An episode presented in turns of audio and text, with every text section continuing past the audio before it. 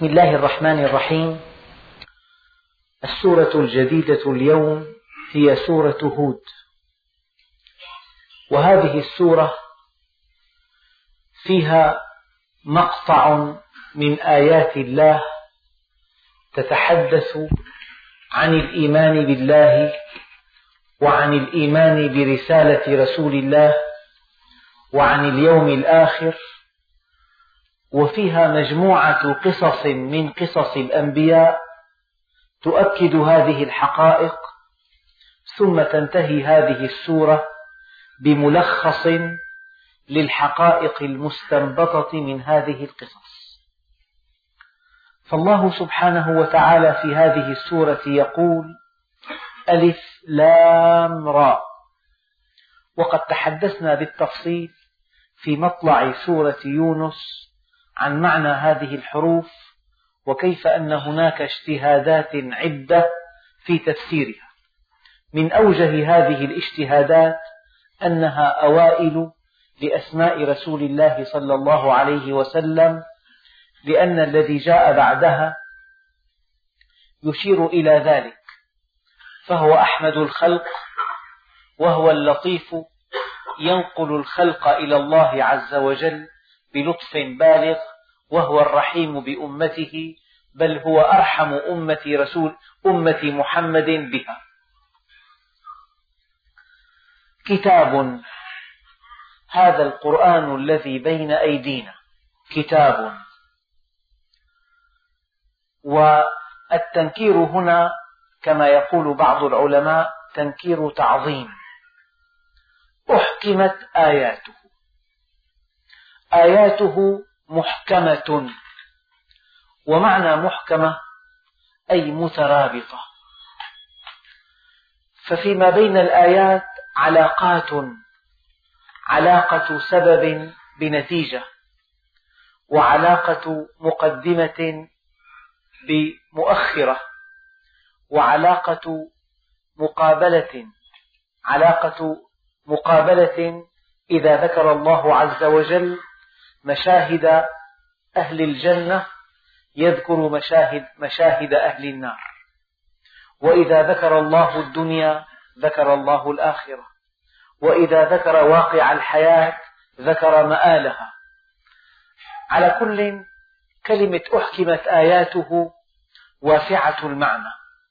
من معانيها أن الآيات القرآنية مترابطة فيما بينها. ومن آتاه الله علما بهذا الكتاب وفهما لحقائقه يرى هذا الترابط وهذا وهذه العلاقة. ومن كان في عمى عن كتاب الله يراه مفككا بل يزعم أن هذا القرآن يحتاج إلى تنسيق وتبويب وتفصيل. هذا هو المعنى الأول. ومن خلال تفسير كتاب الله فيما مضى بين لكم بعض هذا الإحكام. والمعنى الثاني أن آيات القرآن الكريم محكمة بمعنى أنها موجزة. أوجز الله سبحانه وتعالى أحيانا ثم فصل هذا الموجز. مثلا قال فاعلم أنه لا إله إلا الله هذه حقيقة جاءت بشكل موجز. ثم جاءت قصة يوسف عليه الصلاة والسلام. وهذه القصة على ما فيها من تفصيلات إنما تؤكد ما أوجز الله سبحانه وتعالى في القول. يعني قصة يوسف تؤكد أنه لا إله إلا الله من خلال الحدث والوصف والحوار وتعقيد الأحداث ثم انتهائها إلى وضع معين. فربنا سبحانه وتعالى يوجز حينما يقرر الحقائق ويفصل حينما يأتي بالتطبيقات العملية. المعنى الأول معنى الإحكام بمعنى الترابط والمعنى الثاني معنى الإحكام بمعنى الإيجاز. والمعنى الثالث أحكم الشيء أتقنه. يعني كتاب آياته لا يأتيها الباطل ولا الخلل ولا النقص ولا الزيادة ولا الخطأ ولا الغلط. متناسقة مضبوطة. هذا معنى الإحكام الثالث. ومعنى الإحكام الرابع من الحكمة يعني ذكر أشياء لحكمة بالغة. أمر بأشياء لحكمة بالغة ونهى عن أشياء لحكمة بالغة وسكت عن أشياء لحكمة بالغة. فالإحكام من الحكمة والإحكام من الترابط والإحكام من الإيجاز والإحكام من دقة الصياغة. كتاب أحكمت آياته. لكن هذا الكتاب هو على الظالمين عمى عليهم. وننزل من القرآن ما هو شفاء ورحمة للمؤمنين. ولا يزيد الظالمين إلا خسارة. هذا الكتاب يحتاج فضلا عن دقة الفهم وإحكام النظر يحتاج إلى نفس صافية وقلب سليم. بل إن بعض العلماء حينما فسر قوله تعالى لا يمسه إلا المطهرون وجه الآية توجيها إضافيا يزيد عن معناها المادي وجهها توجيها إلى أن طاهر النفس هو الذي يدرك معاني القرآن الكريم. ولهذا ولهذه الحقيقة تفسير واضح. الإنسان المتلبس بالربا لا يستسيغ أن يفهم آيات الربا كما هي عليه. يحاول أن يزورها أن يفهمها فهما خاطئا كي يغطي نفسه. عنده خلل داخلي. يحاول أن يصلح هذا الخلل وأن يقيم توازنه من تحوير وتوجيه الآيات توجيها خاطئا. إذا المتلبس بالمعاصي لا يمكن أن يفهم كتاب الله على حقيقته ولن يفهمه على حقيقته إلا من كان مستقيما على أمره. لذلك إنه في نعم لا يمسه إلا المطهرون. من كان طاهر النفس طاهر السلوك نقي القلب إذا قرأ القرآن الكريم يفهمه على حقيقته. أما من تلبس بالمعصية وغير وانحاز وخرج وطغى وبغى هذا قلبه مغلق. مغلق بالمعصية أولا ويحاول أن يجر الآيات يجرها إلى تغطية انحرافاته ثانيا. إذا لن يستطيع فهم كتاب الله. فكتاب الله آياته محكمة أحكمت آياته بمعنى أن في ذكرها حكمة بالغة. يعني الله عز وجل سكت عن أشياء كثيرة سكت عن نوع الثياب سكت عن نوع الطعام سكت عن نوع الأثاث. هذه أشياء متبدلة متغيرة في كل عصر. سكت عن نسبة الربح. لأنه لو حددها لهلك الناس. هناك أشياء كثيرة في الكتاب سكت عن ذكرها لحكمة بالغة. نهى عن بعضها لحكمة بالغة. سكت عنها. ولو أن إنسانا معه وقت طويل تتبع الحكمة في سكوت القرآن عن بعض الموضوعات لوجد في هذا السكوت حكمة لا تقل عن حكمة الذي أمرنا به أو نهانا عنه. أحكمت آياته. يعني الحكمة الآيات مفعمة بالحكمة. المعنى الأول. أحكمت آياته. ترابطت. في السورة الواحدة. عرض لحقائق التوحيد. ثم قصة فيها تطبيق عملي لهذه الحقائق. ثم وصف لمشاهد الآخرة وهي العقاب الذي ينتظر المنحرفين والثواب الذي ينتظر المستقيمين. فذكر حقائق التوحيد ثم ذكر قصة تجسدها ثم ذكر المآل من جنة إلى نار هذا ترابط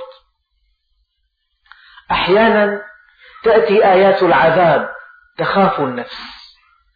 لئلا يفضي بها الخوف إلى اليأس تأتي آيات الرحمة. تقلبها من التفاؤل من التشاؤم إلى التفاؤل. الله سبحانه وتعالى جعل هذا الكتاب كتاب هداية ورشاد.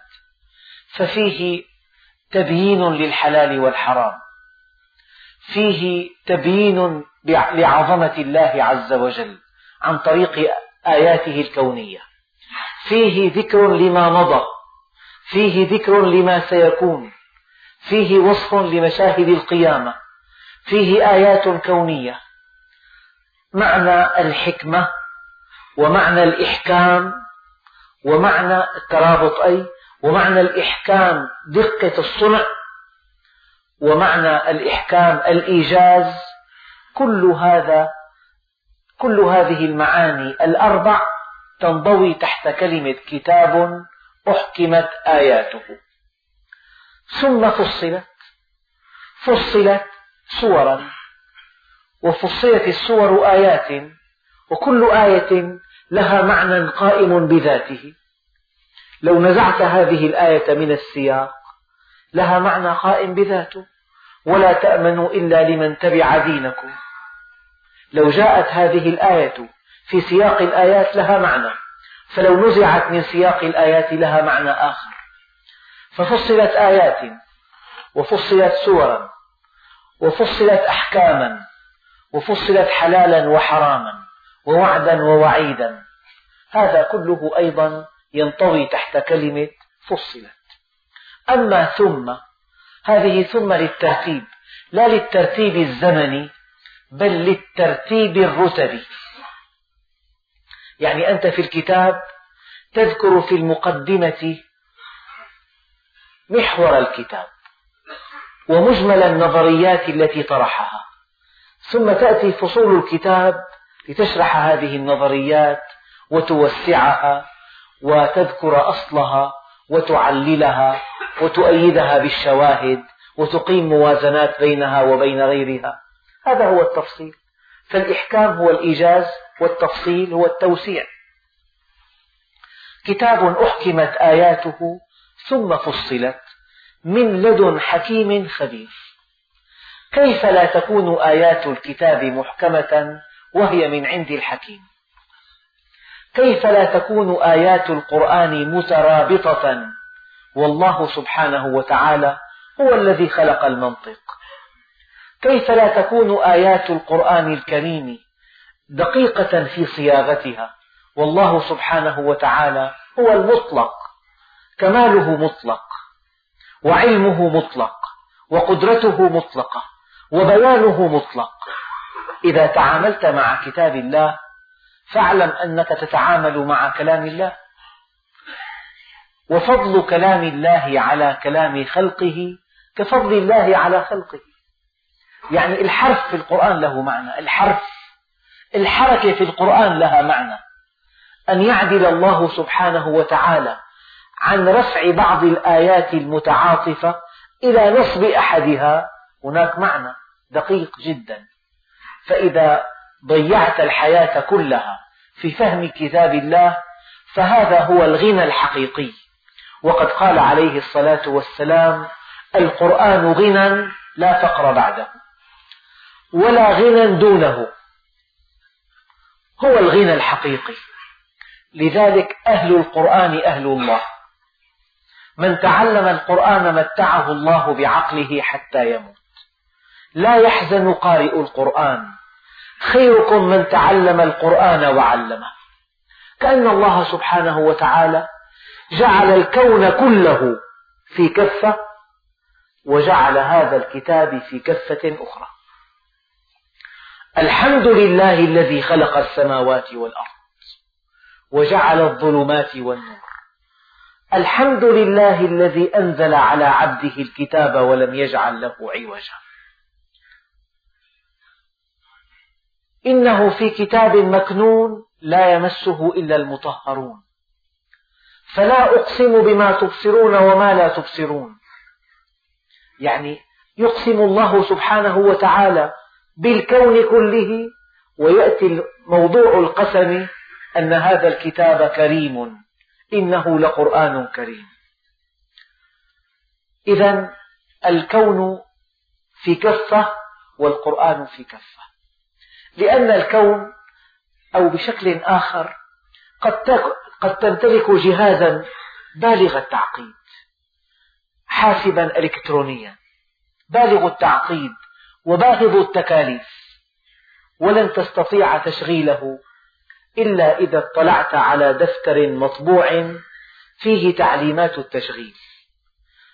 إن هذه التعليمات لا تقل شأنا عن هذا الجهاز. بل إن استعمالها مصيري. لو لم تستعمل هذا الجهاز وفق هذه التعليمات لأتلفت الجهاز. إذا لهذه التعليمات قيمة كبرى. هذا الكون العظيم بمجراته المترامية بمسافاته التي لا تعقل لشدة بعدها. شمسه أرضه سماؤه ما في الأرض ما تحت الأرض ما فوق الأرض من مخلوقات دقت أو جلت صغرت أو كبرت تعقدت أو انبسطت. كل هذا يقابله هذا الكتاب الذي فيه تفسير لهذا الكون لنشأة الكون ولمصير الكون ولجدوى الإنسان على وجه الأرض. مهمته الأساسية أين كان إلى أين ذاهب؟ ألف لام را كتاب أحكمت آياته ثم فصلت من لدن حكيم خبير. خبير بنفوسنا. يعلم ما يصلحها وما يفسدها. يعلم الذي يسعدها والذي يشقيها يعلم ما نسر وما نعلن. إنه حكيم خبير. هذا الكتاب. من الدفة إلى الدفة كما يقولون. من سورة الفاتحة إلى سورة الناس. الله سبحانه وتعالى ذكر فحواه ومضمونه. فقال ألا تعبدوا إلا الله. طبعا هذا الملخص. أما قصص الأنبياء وآيات, وآيات الكون والحديث عن الأمم السالفة والحديث عن مشاهد القيامة هذا كله تفصيل كي تصل إلى هذه الحقيقة الكبرى ألا تعبدوا إلا الله. ما العبادة؟ بعضهم يظنها الطاعة. إنه كذلك وليس كذلك.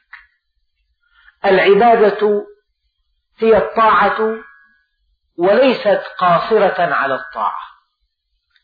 إذا أشهرت على أحد سلاحا وأمرته أن يطيعك أن يطيعك فإنه يطيعك. هل هذه عبادة؟ لا. العبادة هي الطاعة المبنية على معرفة الله سبحانه وتعالى. وهذه الطاعة ليست هدفا بذاتها إنما نتيجتها هي الهدف. نتيجتها هي السعادة. تعرفه فتطيعه فتسعد به في الدنيا والآخرة وإلى الأبد. فالخلاصة أن الله سبحانه وتعالى خلق الإنسان على وجه الأرض كي يتعرف إليه.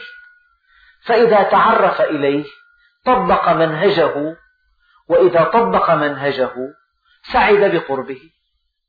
فالكتاب كله ملخصه ألا تعبدوا إلا الله. لذلك ربنا عز وجل قال في آيات أخرى وما أرسلنا من رسول إلا نوحي إليه أنه لا إله إلا أنا فاعبدون. أفضل ما قلت أنا والأنبياء من قبلي لا إله إلا الله. لأنك إذا ما آمنت بلا إله إلا الله إذا رأيت أن هناك آلهة غير الله فإنك سوف تطيعهم فيما يسخط الله. إنك سوف تخاف منهم. إنك سوف ترجوهم وهم لا شيء. تنتظر عندهم السعادة وهم لا يملكونها لأنفسهم. تنتظر عندهم أن يخلصوك وهم لم يستطيعوا تخليص أنفسهم. لا إله إلا الله. أما إذا رأيت أن مع الله آلهة أخرى ليس شرطا أن تقول فلان إله.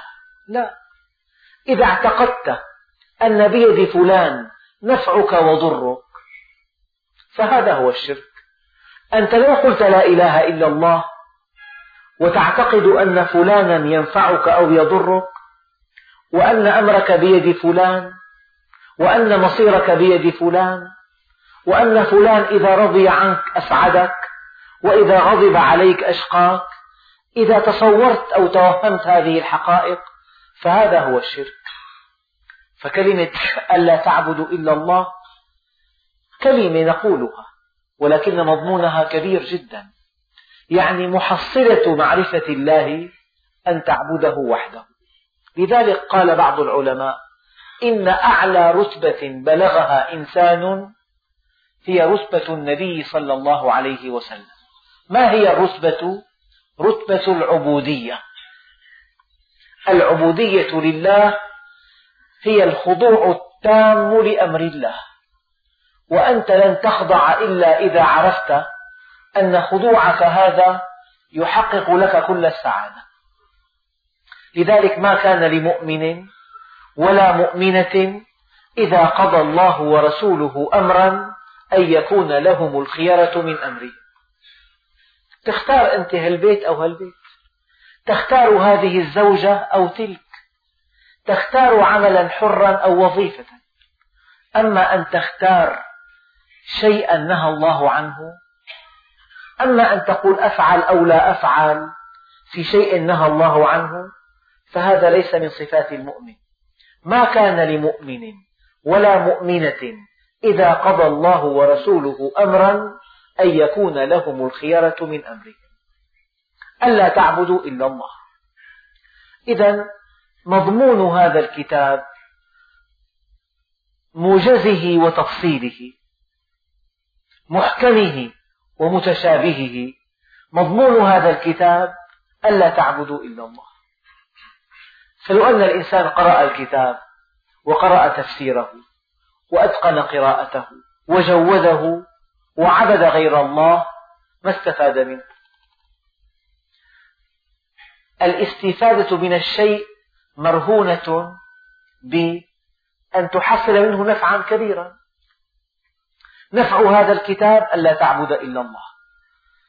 إنني لكم منه نذير وبشير. هذه رسالة المصطفى صلى الله عليه وسلم. يا أيها النبي إنا أرسلناك شاهدا ومبشرا ونذيرا.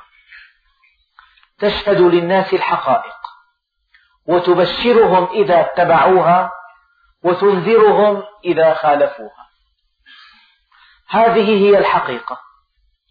من طبقها سعد ومن حاد عنها شقي.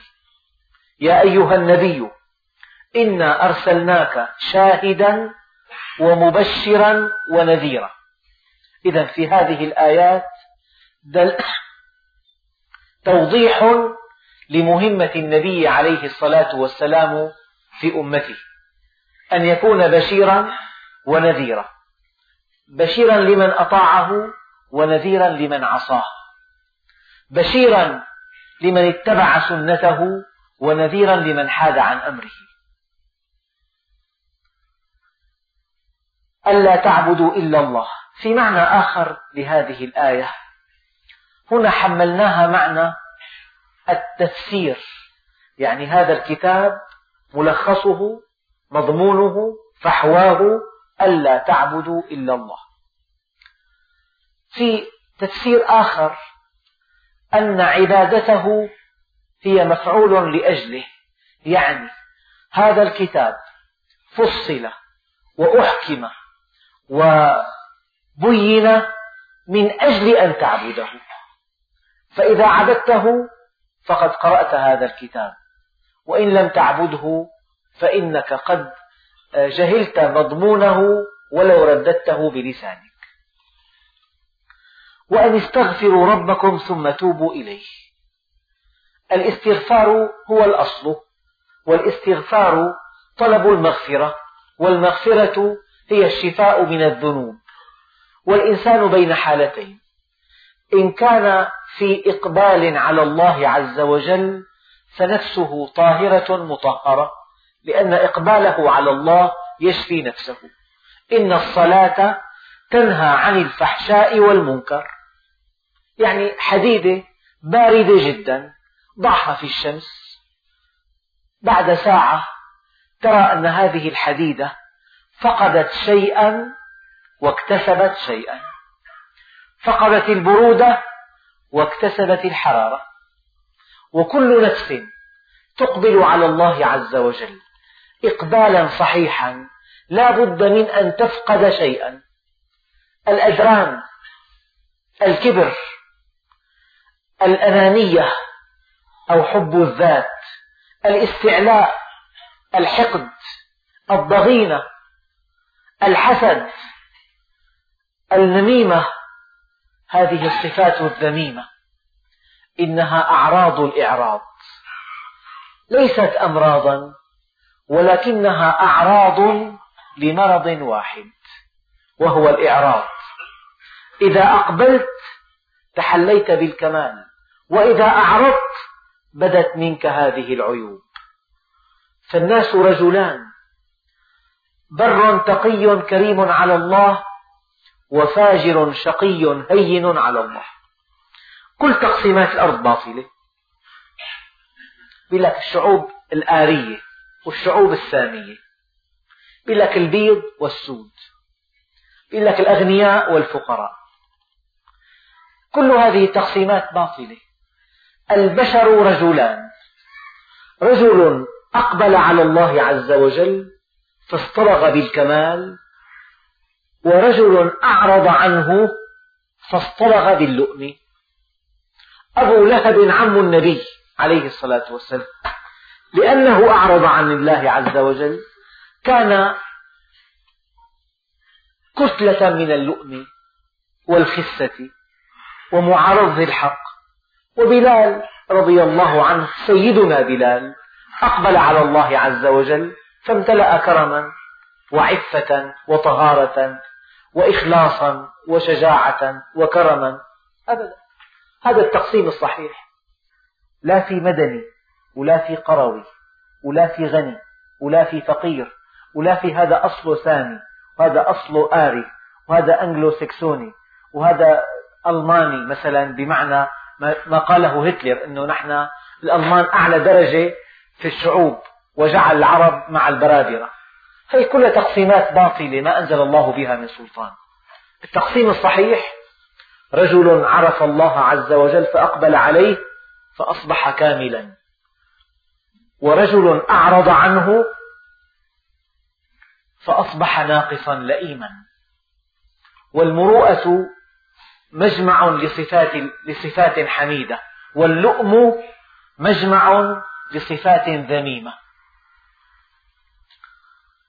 وأن استغفروا ربكم. فالاستغفار طلب المغفرة والمغفرة شفاء من هذه الذنوب.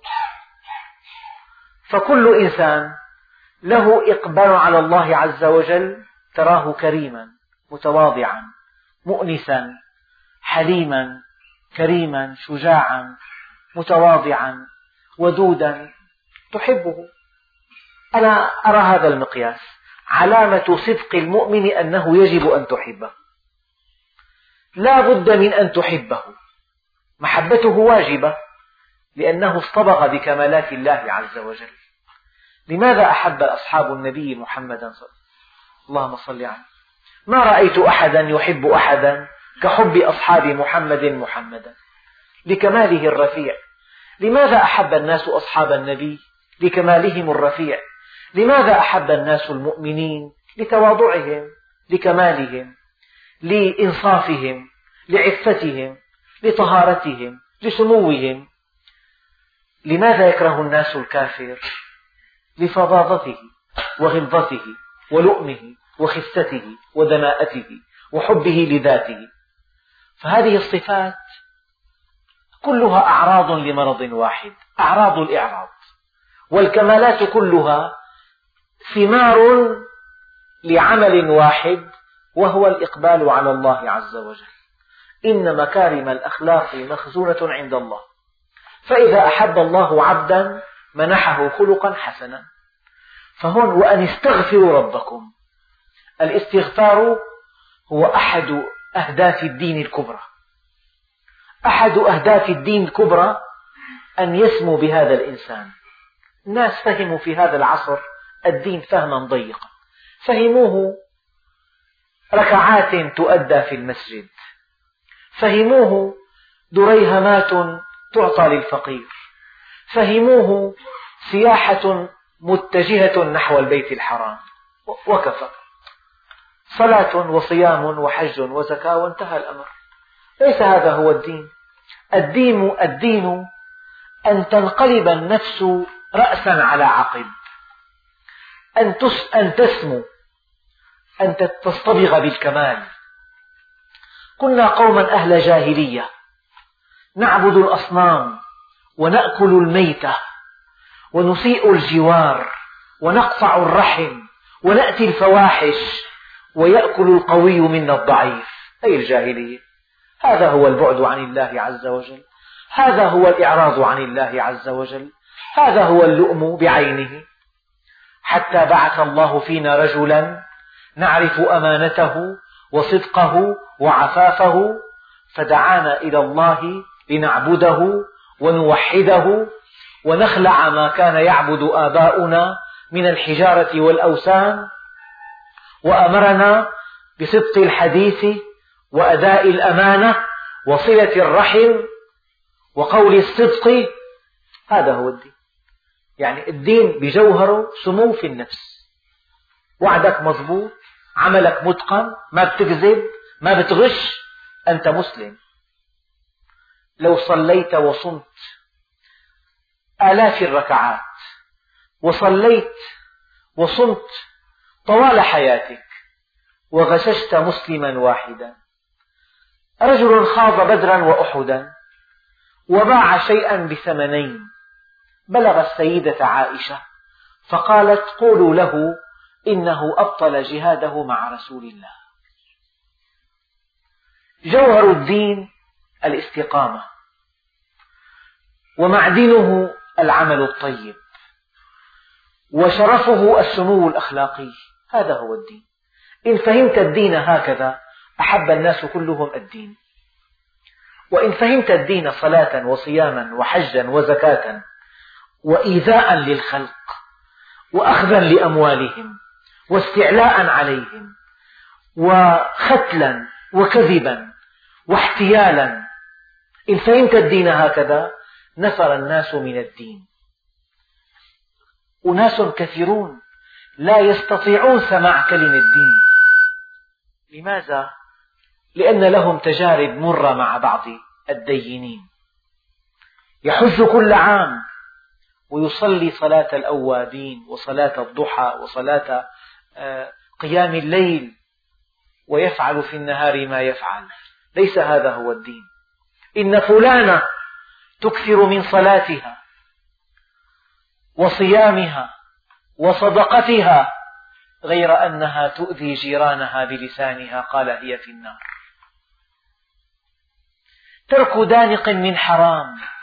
خير من ثمانين حجة بعد الإسلام. لأن أمشي مع أخ في حاجته. خير لي من صيام شهر واعتكافه في مسجدي هذا.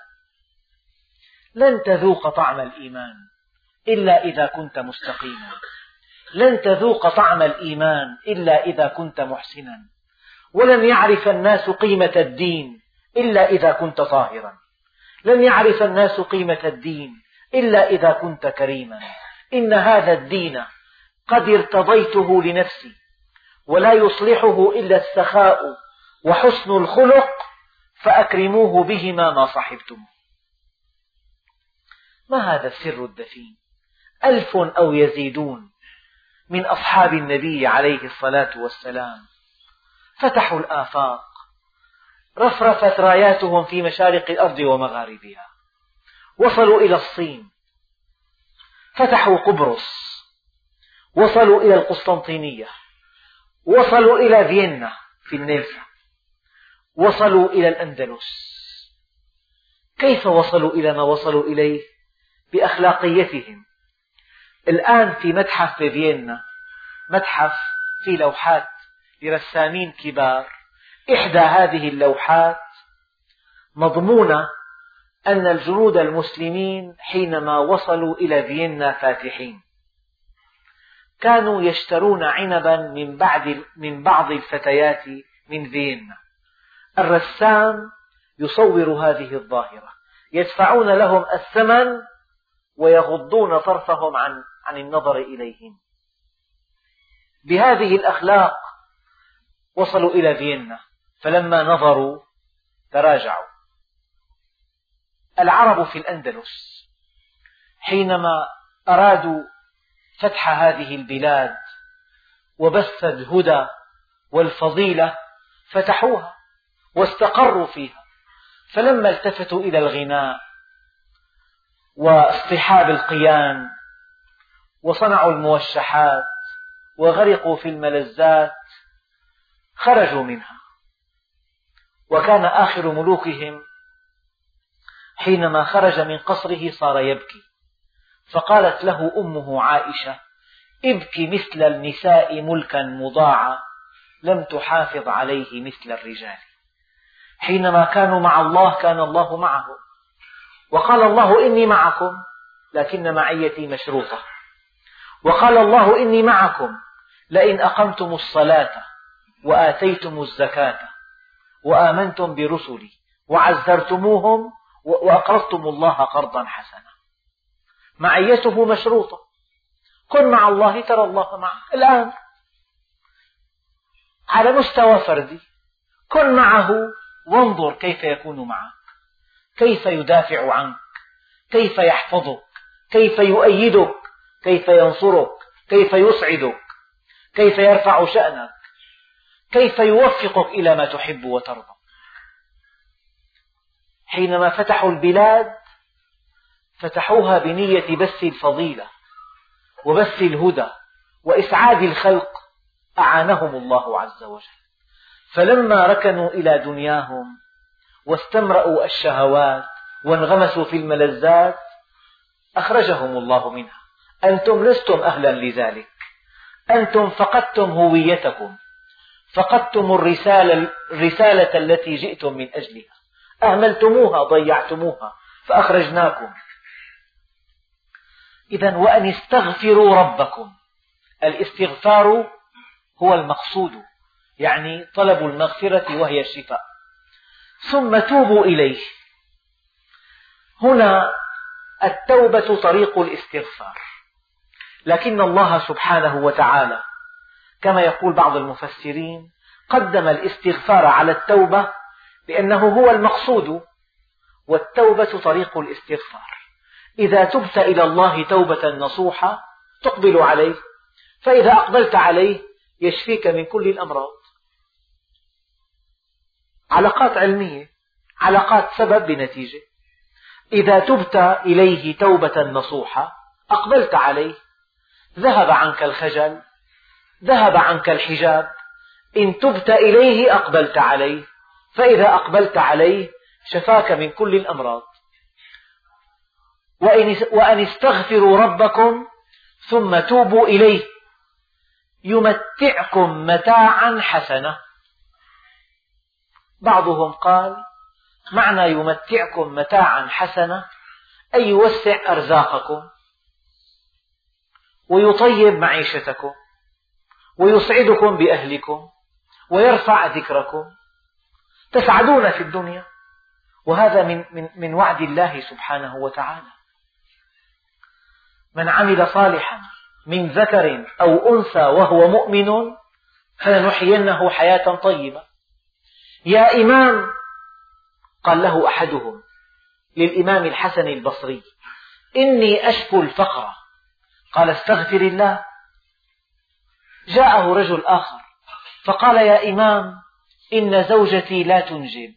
قال استغفر الله. جاء رجل ثالث قال يا إمام إنا نشكو قحط السماء. قال استغفر الله.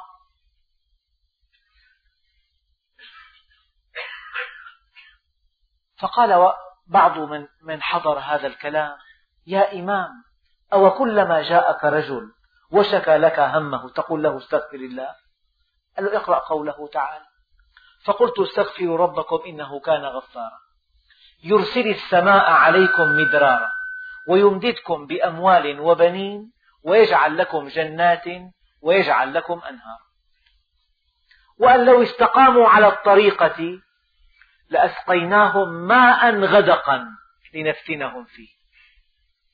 دمشق قال معدل أمطار السنوي 2500 بعد سنوات طويلة قال رضي العلماء بمعدل 2000 الآن يرضون ب 1800 عفوا 180 250 ملم للآن ما في 45 ملم للآن نازل. وأن لو استقاموا على الطريقة لأسقيناهم ماء غدقا لنفتنهم فيه. ولو أن أهل القرى آمنوا واتقوا لفتحنا عليهم بركات من السماء والأرض. فهذا كله معالجات من الله عز وجل. إذا الاستغفار هو الهدف والتوبة هي الطريق. وإذا فعلتم هذا يمتعكم متاعا حسنا. طيب. إذا المجموع ما فعلوا واحد فعل تصيبه هذه الآية. هذا كلام الله. كلام خالق السماوات والأرض. كلام من بيده كل شيء. وأن استغفروا ربكم ثم توبوا إليه. يمتعكم متاعا حسنا.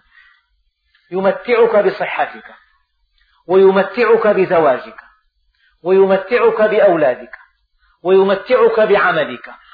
ويمتعك بمكانتك. تسعد وتسعد ترضي وترضى على مستوى جماعي وعلى مستوى فردي. إذا الناس كانوا في غفلة فكن أنت في صحوة. إذا الناس كانوا في جهل فكن أنت على علم. إذا الناس كانوا في ضياع فكن أنت على هدى.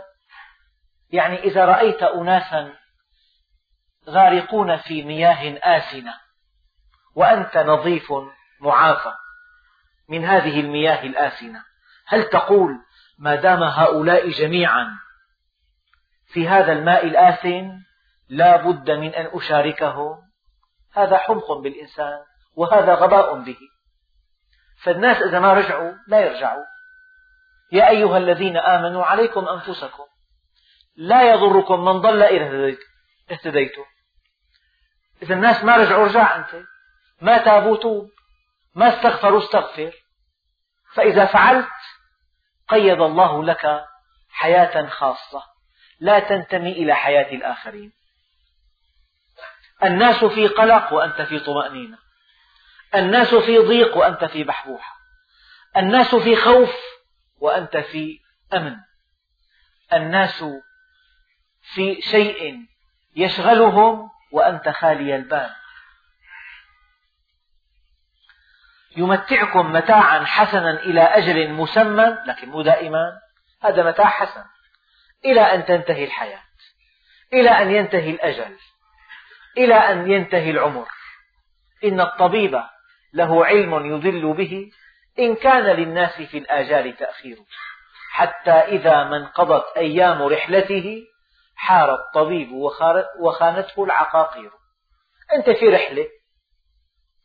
يعني إلى أن تنتهي هذه الرحلة تمتع متاعا حسنا ويؤتي, ويؤتي كل ذي فضل فضله يعني أنت ربيت أولادك تربية صالحة. هذا فضل يؤتيك فضلا يكافئه ويزيد عليه. صدقت بمالك الحلال يؤتيك فضلا يكافئه ويزيد عليه.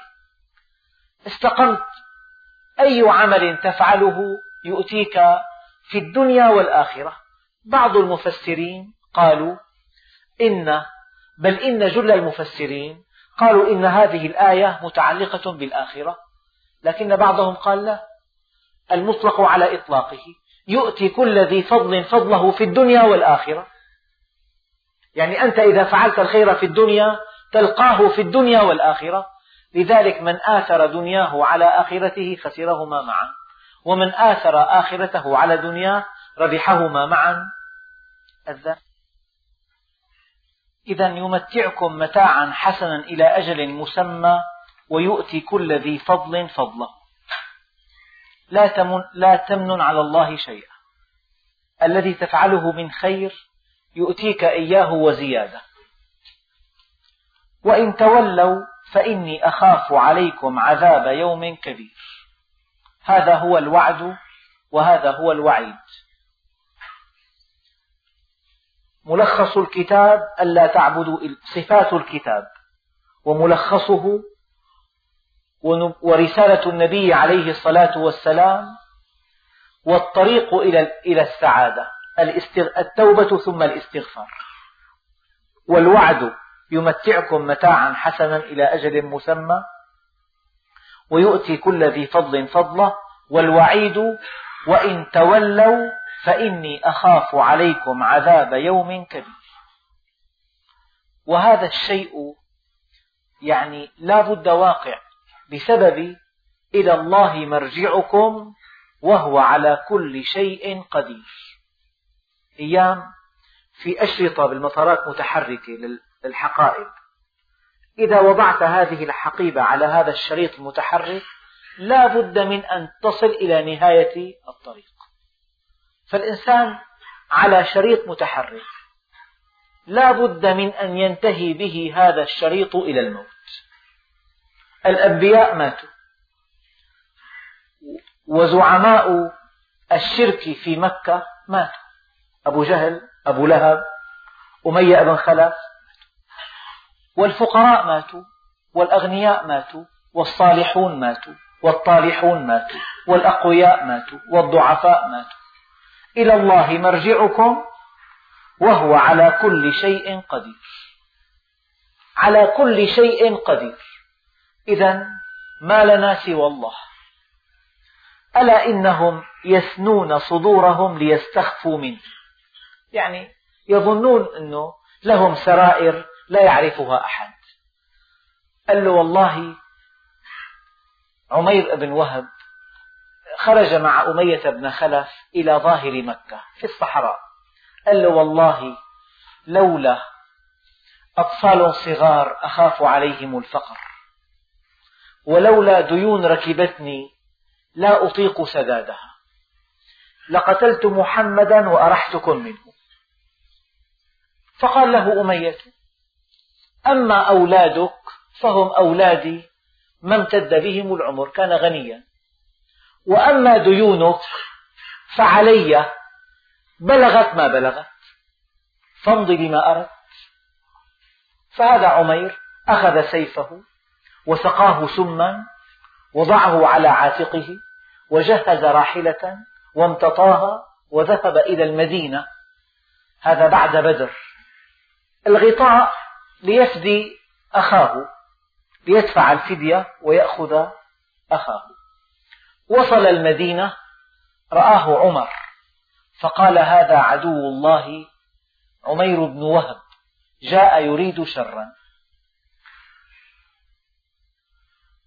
قيده بحمالة سيفه واقتاده إلى النبي عليه الصلاة والسلام. النبي عليه الصلاة والسلام كان رقيقا. قال يا عمر أطلق سراحه. فك القيد. قال يا عمر ابتعد عنه. ابتعد عنه. قال يا عمير أدنوا مني. اقترب. فلما دنا منه قال ألا تسلم علينا؟ قال له عمت صباحا يا محمد. قال له قل السلام عليكم. قال له لست بعيد عهد بالجاهلية. هذا سلامي قال له يا عمير ما الذي جاء بك إلى هنا؟ قال له جئت لأفدي أخي. قال له وهذه السيف التي على عاتقك؟ قال له قاتلها الله من سيوف وهل نفعتنا يوم بدر؟ قال له ألم تقل لأمية بن خلف لولا ديون ركبتني لا أطيق سدادها ولولا أطفال صغار أخشى عليهم العنت لذهبت وقتلت محمدا وأرحتكم منه. كان جالسا فوقف. قال والله إن هذا الذي قلته لصفوان لا يعلمه أحد في الأرض إلا الله. وأنت رسول الله.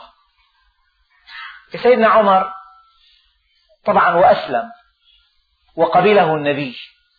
لما خرج قال عمر رضي الله عنه والله لقد دخل عمير على رسول الله والخنزير أحب إلي منه.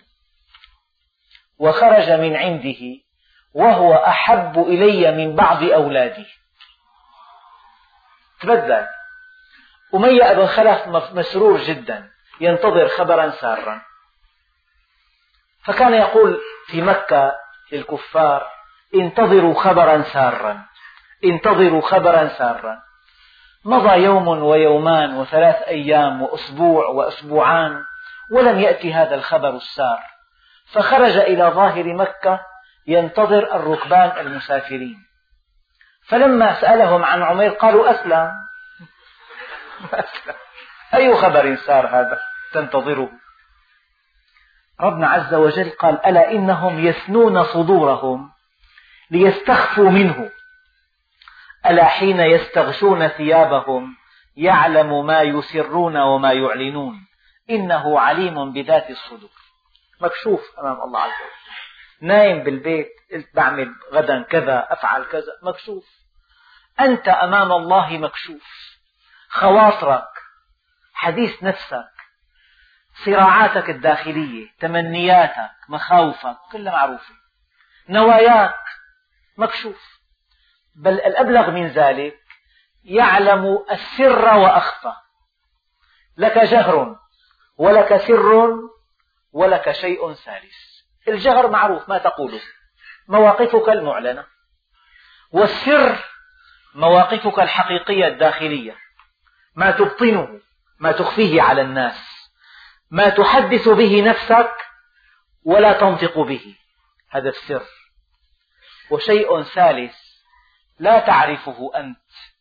خفي عنك أنت.